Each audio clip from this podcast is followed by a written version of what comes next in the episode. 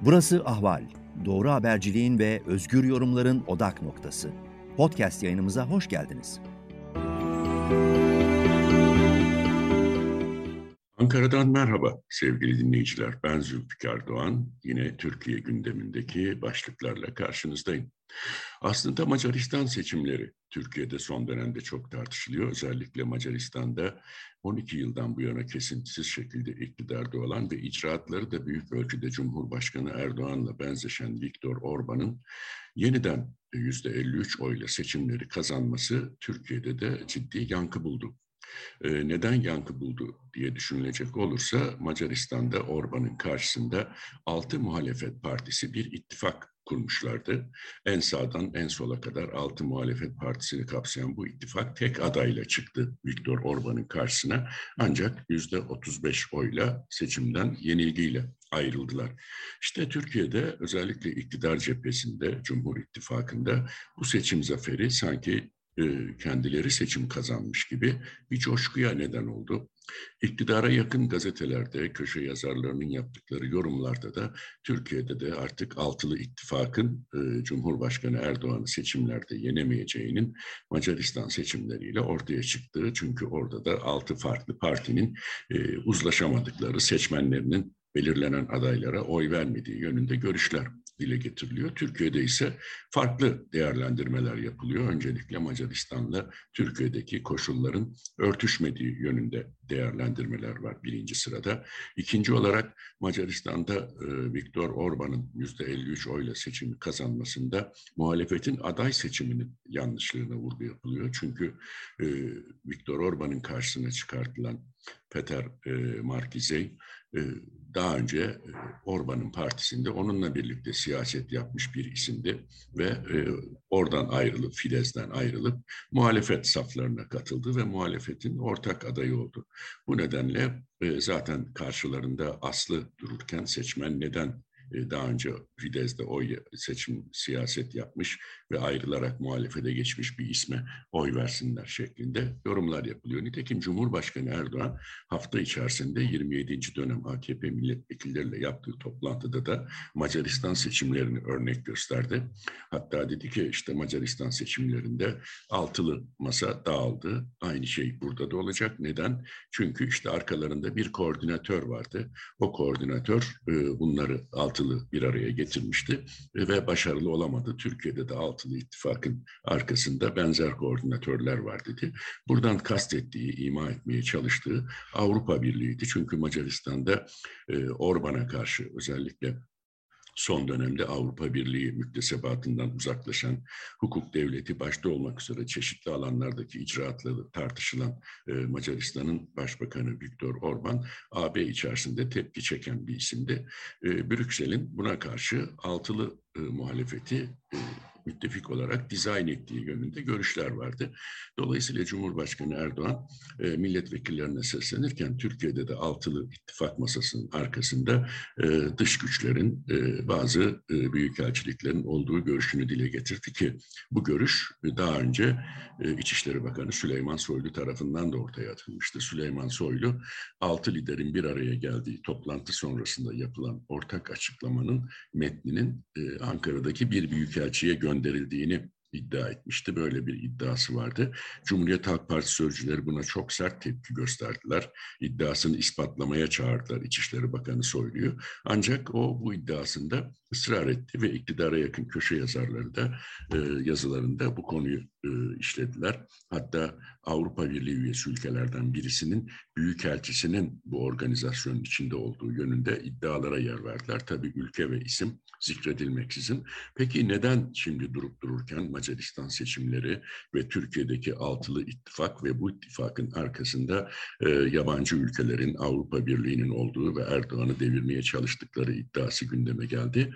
E, kanımca bu sorunun cevabını şöyle verebiliriz. E, bunun hemen öncesinde hatırlayacaksınız.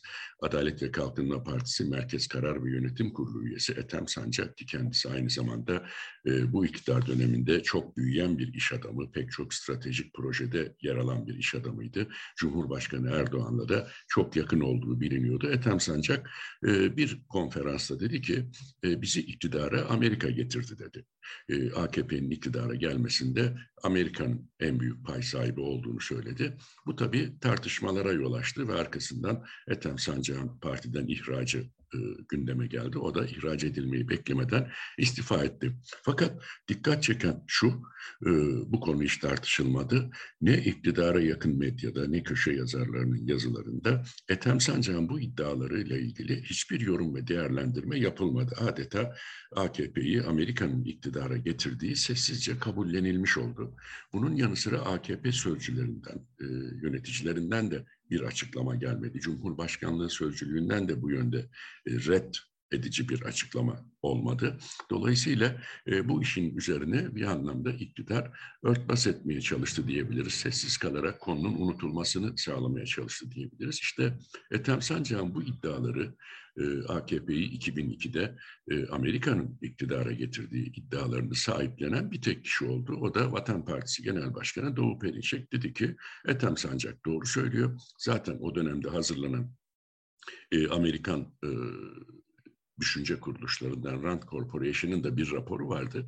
O raporda e, Tayyip Erdoğan'ın başbakan, Abdullah Gül'ün dışişleri bakanı olacağı ve AKP'nin hükümet kuracağı yönünde bir strateji çizilmişti. Biz bunu o dönemde de söyledik. Türkiye'de e, 2002 seçimlerini Amerika Birleşik Devletleri organize ederek AKP'yi iktidara getirdi. Ethem Sancak dürüst ve saygın bir e, eski arkadaşımdır dedi. Heyecanla e, siyaset yapan bir isimdir ve o da bu gerçekleri söyledi dedi. Fakat dediğim gibi iktidar cephesinden hiç ses çıkmadığı gibi aksine bu konularda en e, sert e, duruşları sergileyen Cumhur İttifakı'nın küçük ortağı Milliyetçi Hareket Partisi Genel Başkanı Devlet Bahçeli de sessiz kaldı Ethem Sancak'ın bu sözleri sonrasında. Şimdi işte e, kanımca iktidar bunu yapmaya çalışıyor. Bir yandan altılı ittifakı Macaristan örneğiyle e, demoralize etmeye, morallerini zayıflatmaya. Diğer taraftan da önümüzdeki günlerde muhtemelen devreye sokulacak bu ittifakın arkasında bir düş güç var. Bu ittifakı tasarlayan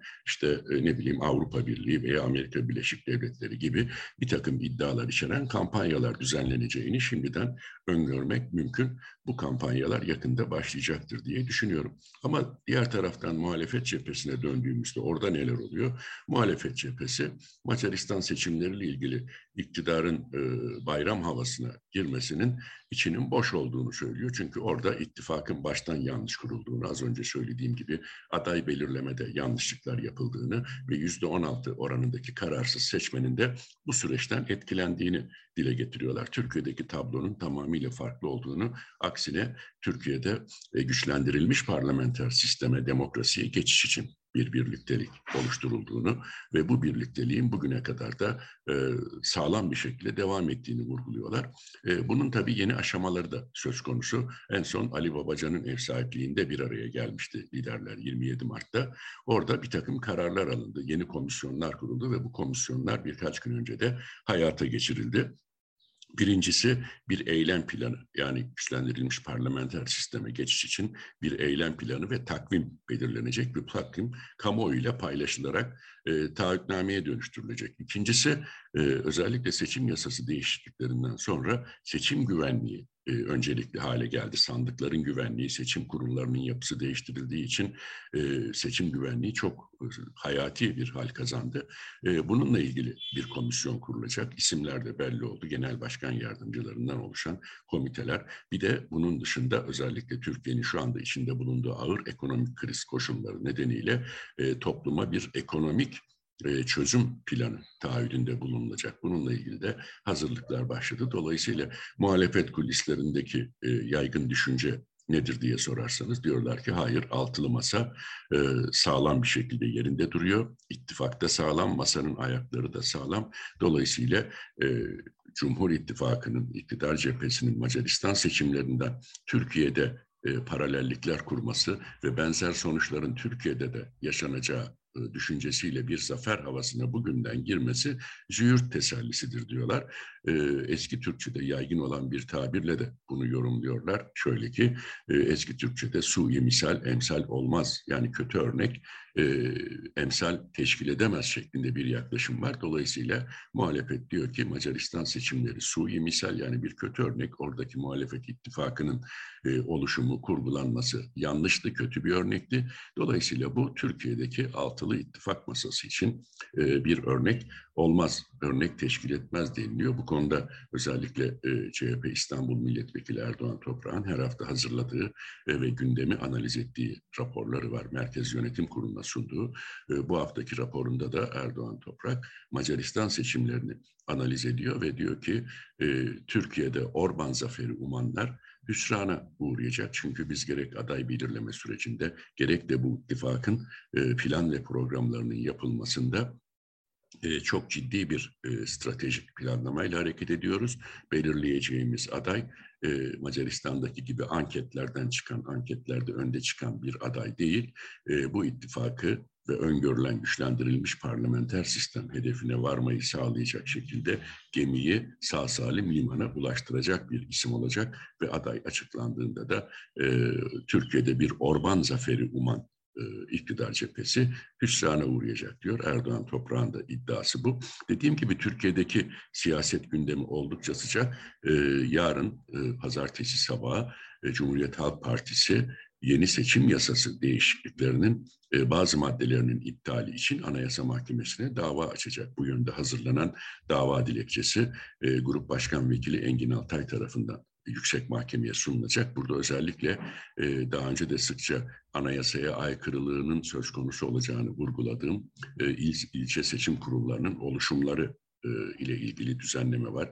E, bu kurulların ki e, her iki yılda bir belirleniyor en kıdemli hakimin başkanlığında bu yıl yeni seçim kurulları belirlendi Ocak ayında ve bu kurullar 2024 yılına kadar görev yapacaktı ama şimdi getirilen değişiklikle 3 ay içerisinde bu kurulların lağvedilmesi ve il ve, il ve ilçelerde birinci dereceye ayrılan hakimler arasından kura çekilerek yeni e, kurulların belirlenmesi öngörülüyor. Bunun da anayasaya aykırı olduğunu e, iddia ediyor ana muhalefet partisi. Dediğim gibi Anayasa Mahkemesi'ne açılacak davada bu üç maddenin e, iptali istenecek. Öncelikle de tabii yürütmesinin durdurulması talep edilecek. Şayet Anayasa Mahkemesi bu yönde bir karar verirse de şu anda e, Cumhurbaşkanı Erdoğan'ın onayıyla yürürlüğe giren yeni düzenlemeler e, seçimde geçerli olabilmesi için en az bir yıllık bir sürenin geçmesi gerekiyordu. Ama Anayasa Mahkemesi bu değişikliklerin e, tamamını veya bir kısmını veya sadece bir maddesini bile iptal etse bu yasanın yürütülmesi olanaksız hale gelecek. O zaman da e, benim öngörüm ve tahminim muhtemelen Türkiye'de yeniden erken seçim tartışmaları e, daha da alevlenmiş olduğu bir sürece girilecek diye düşünüyorum. Türkiye'nin gündemiyle ve sıcak siyasi gelişmelerle ilgili sizlerle paylaşacaklarım bunlar sevgili dinleyiciler. Bir başka yorum ve değerlendirmede tekrar bir arada olmak dileğiyle ben Zülfikar Doğan şimdilik hepinize hoşçakalın diyorum. Ahval podcastlerini tüm mobil telefonlarda Spotify, SoundCloud ve Spreaker üzerinden dinleyebilirsiniz. Apple iPhone kullanıcıları bize iTunes üzerinden de ulaşabilir. Türkiye'nin ve hayatın cıvıl cıvıl sesleri Ahval Podcast dizisinde. Kulağınız bizde olsun.